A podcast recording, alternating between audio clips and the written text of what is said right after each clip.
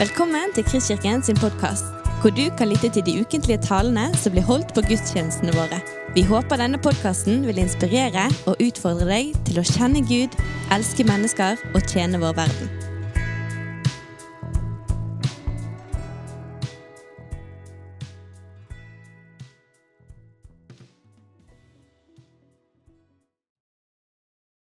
Det er veldig kjekt å se dere som jeg kan se. Sant? Vi er jo ikke bortskjemt med å kunne se hverandre for tiden. Det var veldig fint. Vi liker å si det, konen min og meg, at det var for noen år siden så hadde kronprinsparet hadde, Det var noen runde dager litt om hverandre, og så ble de spurt om hva det var de falt for med hverandre. Og det ene programmet så svarte Mette-Marit at Håkon, han så meg. Og så var det et par år senere så var det med Håkon Magnus, og Mette-Marit så meg. Så de var veldig sånn forent om det. Det å se hverandre det var av høy verdi. Og det er det jo. Sånn at vi får være sett av Gud som mennesker dypest sett. Det er vel nesten ingenting som kan være det er vel ingenting som kan være viktigere for oss enn det. Og så er det noe veldig flott med å kunne se hverandre her. Og, og, når vi forstår perspektivet der, så er jo det egentlig en ganske stor ting. Det er ikke bare sånn her, ja, det var hyggelig, det var allment hyggelig. Det er mye mer. Det handler virkelig om det eksistensielt å kunne se hverandre. Så det er flott. Selv om vi har begrensninger ennå og sikkert må ha det en stund til, så får vi glede oss over det vi kan. God pinse, alle sammen. Det kunne nesten være et mål i seg sjøl på denne dagen her å på en måte eh, etablere det at vi kan ønske hverandre god pinse like helhjertet og naturlig som vi ønsker hverandre god jul eller god påske. At ikke pinse blir en høytid vi feirer litt sånn reservert. Sånn eh, Ja, det er bra med Den hellige ånd, men husk nå på Mangeårig eh, oaseleder Jens Petter Jørgensen, en av de predikantene her i landet som fremdeles i løpet av et år besøker flest menigheter, han skrev på Facebook fredag, og nå sorterer jeg et helt avsnitt, så følg med. Selv om det skjer mye i den pinsekarismatiske vekkelsen som det er nødvendig å være kritisk til, er det viktig at vi ikke enda en gang kaster ut barnet med badevannet. Det er ikke misbruk som er det største problemet i de fleste norske menigheter i dag. Det er manglende bruk. Jeg hadde privilegium å reise rundt og i løpet av et år besøke hele bredden i Kristen-Norge. Jeg opplever at det ikke er grøftene som er det største hinderet for å komme videre. Det er det at vi bruker håndkraft i stedet for himmelkraft for å sitere en gammel professor på Menighetsfakultetet. Vi trenger et paradigmeskifte fra informasjons- til forvandlingsvirksomhet. Det blir ikke rimelig samsvar mellom innsats, ressursbruk og resultater uten åndens nye liv. Vi kunne nesten stoppet der, egentlig. For her ligger jo mye av pinsepreken i ordene håndkraft istedenfor himmelkraft. Ta med det som et sånn læringspunkt. Fra informasjons- til forvandlingsvirksomhet. Ja, Det høres kristelig ut, det der, altså. Vi skal begynne i dag med å lese litt av pinsedagsfortellingen, sånn som vi finner den i Aposteles gjerninger, kapittel 2. Da pinsedagen kom, var alle samlet på ett sted. Plutselig lød det fra himmelen som når en kraftig vind blåser, og lyden fylte hele huset hvor de satt. Tunger som av ild viste seg for dem, delte seg og satte seg på hver enkelt av dem.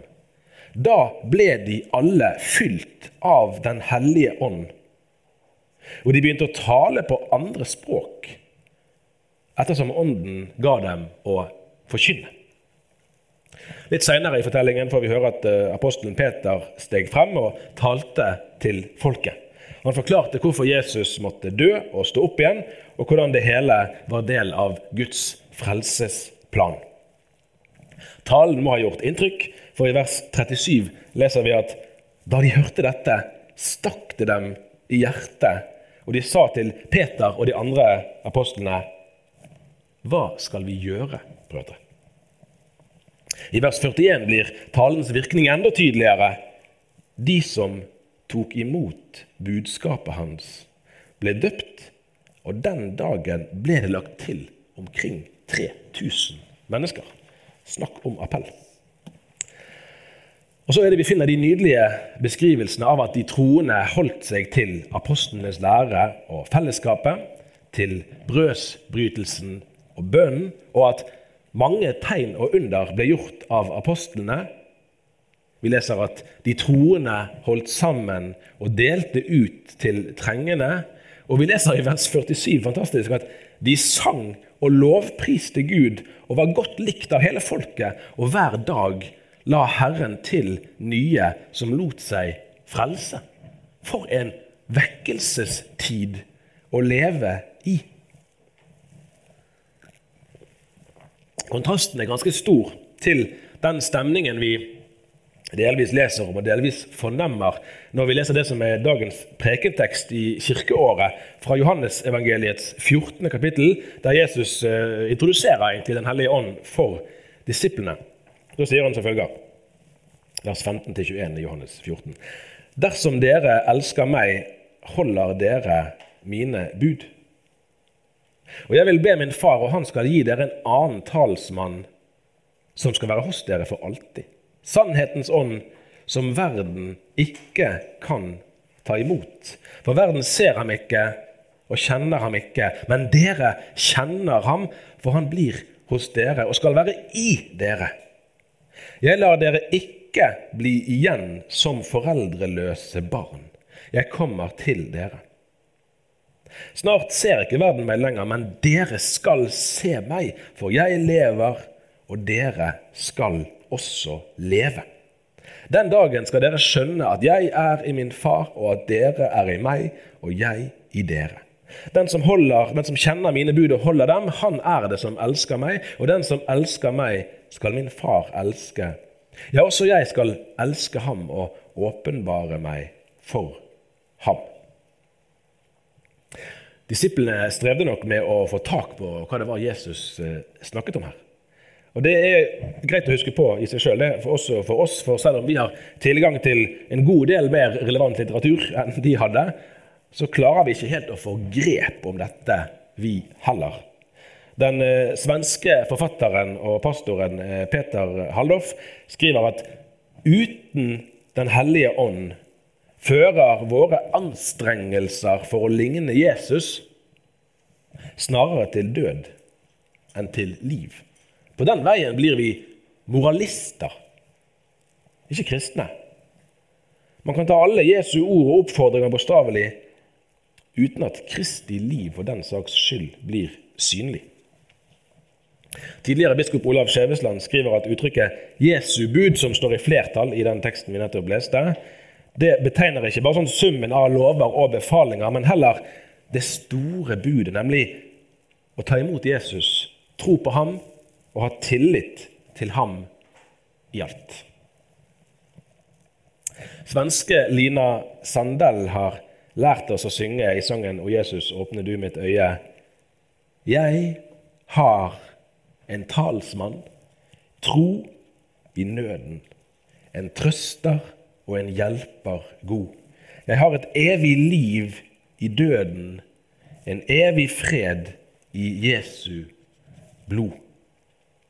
Og i salmen 'Måne og sol' synger vi presist 'Ånden vår trøst', levende varm, hellig og sterk, taler om Gud, bærer oss frem dag etter dag. Herren vår Gud vil vi takke. Veldig god teologi med få ord der. Og Det hjelper oss til å forstå Åndens gjerninger i tett relasjon til hverdagslivet. For det er ikke minst der vi trenger å ha Ånden med oss. Når vi ser teologisk på det, så kan vi òg si det på den måten her. Hvis vi forholder oss til Faderen uten Sønnen, så kan vi glemme det barnekåret vi har fått.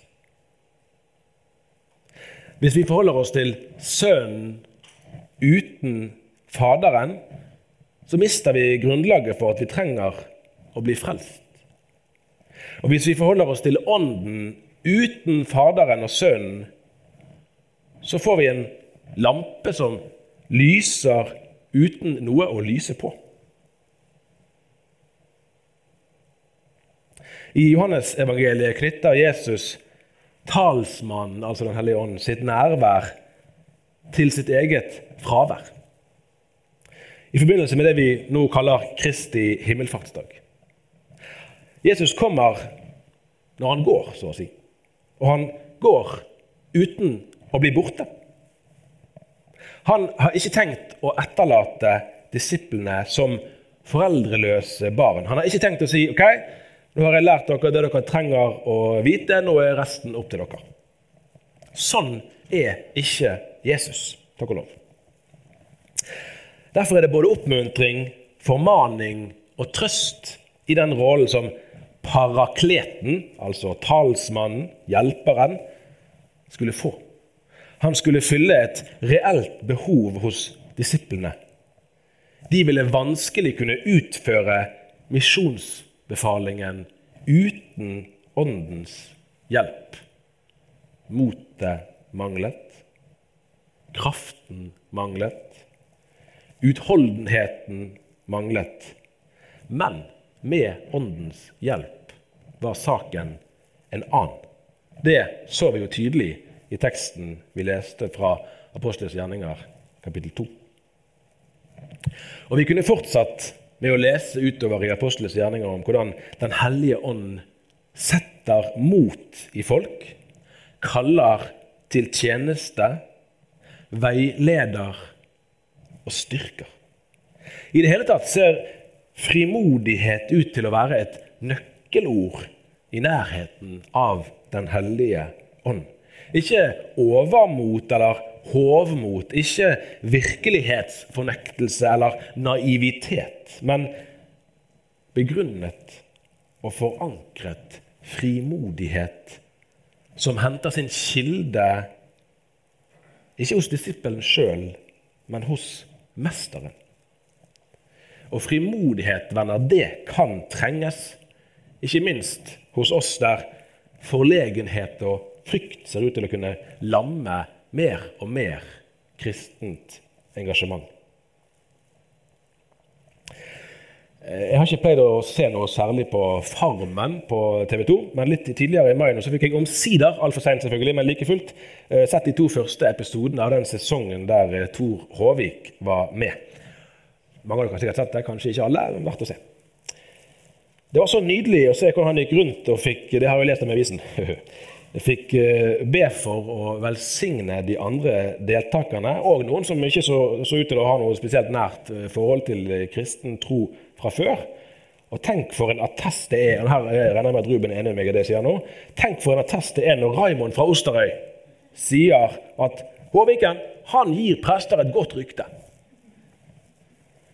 Sånne frimodige Jesusvitner trenger vi mange flere av. Og Det viktigste er jo ikke at Kirken trenger det, selv om det òg er viktig nok. Det viktigste er at verden trenger det, for at flere skal få komme til den troen som apostelen Peter vitnet om etter at Jesus hadde vist både han og de andre disiplene hvem Gud er. Denne uken hadde jeg igjen eh, gleden av å være med på en konferanse som heter European Leadership Forum. Den tror jeg jeg har fortalt herfra om før. Vanligvis er det kanskje sånn 700-800 europeiske kristenledere som samles i en liten by i Polen for å bli inspirert til fornyet glød i etterfølgelsen av Jesus Kristus. Det er jo ikke like inspirerende å følge konferansen fra hjemmekontoret, det må jeg innrømme, men veldig verdifullt likevel. Eh, på det ene kveldsmøtet så var det en brite, Christy Mair heter hun, som snakket om apati. Det handler om, hvis vi skal bruke Wikipedia sin definisjon, om fravær av eh, følelser, motivasjon og entusiasme. Christy Mair arbeider blant eh, studenter i England og snakket om apati fordi hun opplever det som et gjentagende trekk hos de menneskene hun møter. Eh, jeg nevner det her i dag fordi at apati må nesten være den ultimate kontrasten til det som preget den første pinsen i Jerusalem. Derimot kan vi vel si at apati har noen viktige likhetstrekk, f.eks. med situasjonen i menigheten i Laudikea, som vi leser om i Johannes' åpenbaring, og som vi snakket nærmere om når vi gikk gjennom de såkalte sendebrevene i fjor høst.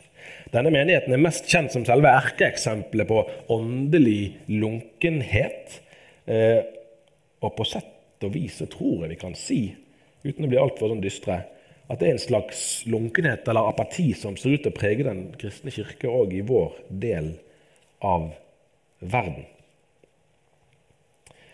Tidligere i år intervjuet jeg rektor eh, Ingunn eh, Folkestad Breistein på Ansgar høgskole i Kristiansand.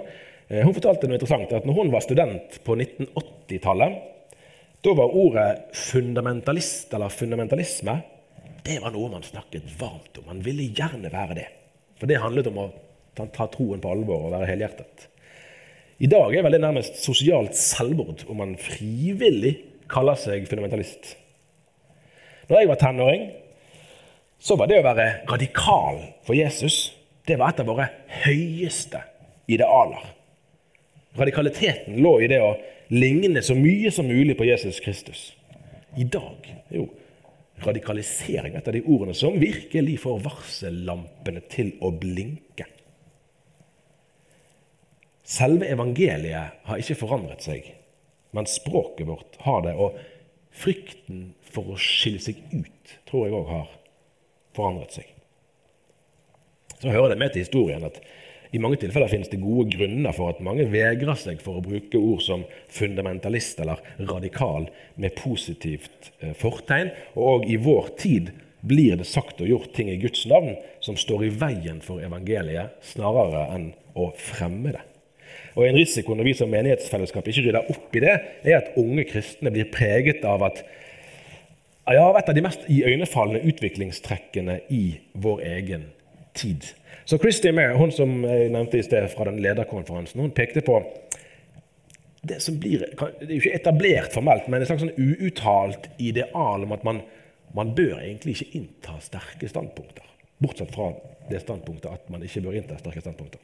Det kan være sterkt. Konsekvensene av dette er mange.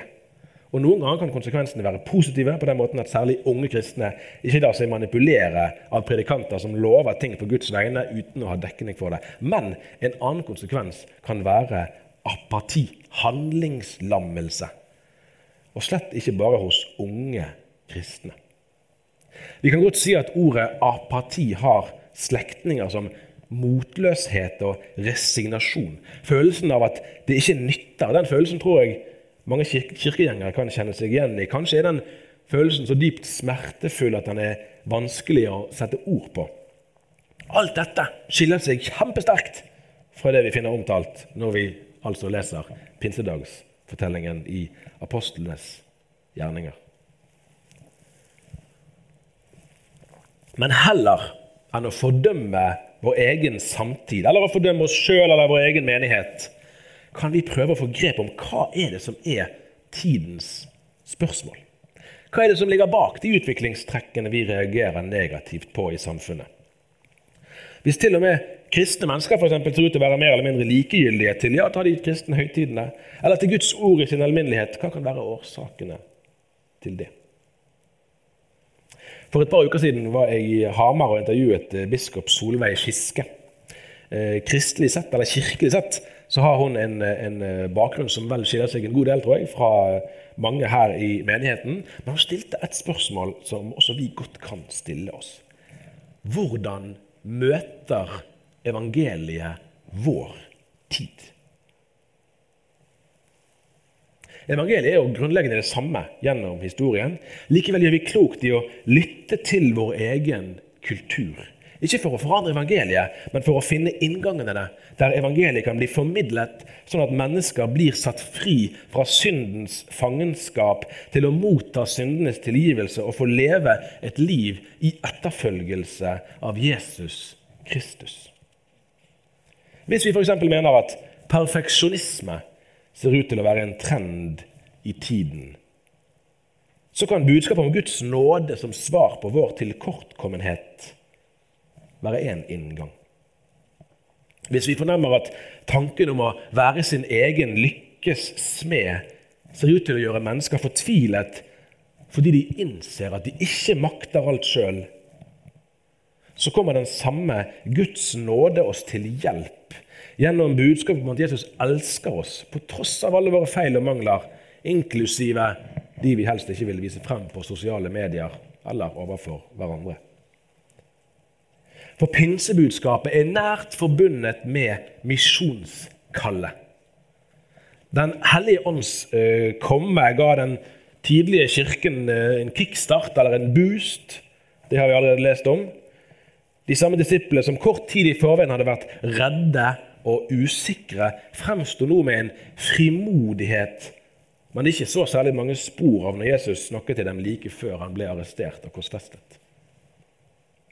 Den hellige ånd må aldri bli redusert til en slags sånn DJ, en trubadur eller en selvhjelpsguru.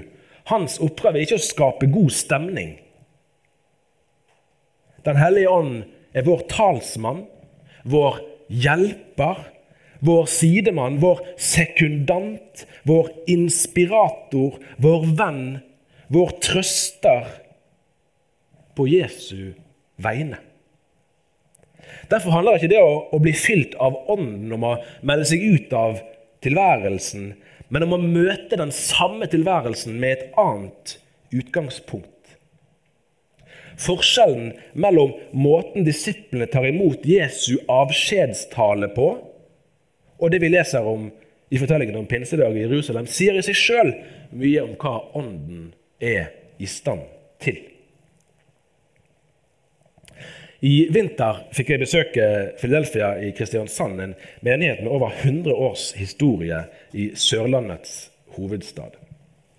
En av hovedpastorene der, eh, Viggo Skagestad, satte ord på noen sider ved menighetens forhold til sine omgivelser. Jeg siterer. Vi tror kanskje at vi skal være populære, og at eh, førstesidene skal hylle oss. Men det er kort vei fra Hosianna til korsfestelse. Til og med Jesus opplevde det, sa Skagestad. Det er lett å bli med i hyllesten når en idrettskvinne eller mann vinner gullmedalje, eller når en prest blir populær på TV. Men bare noen ganske få vet hvor lang veien dit har vært. Det er lett å bli revet med på heftige møter med engasjerende forkynnere og en sterk følelse av Guds nærvær.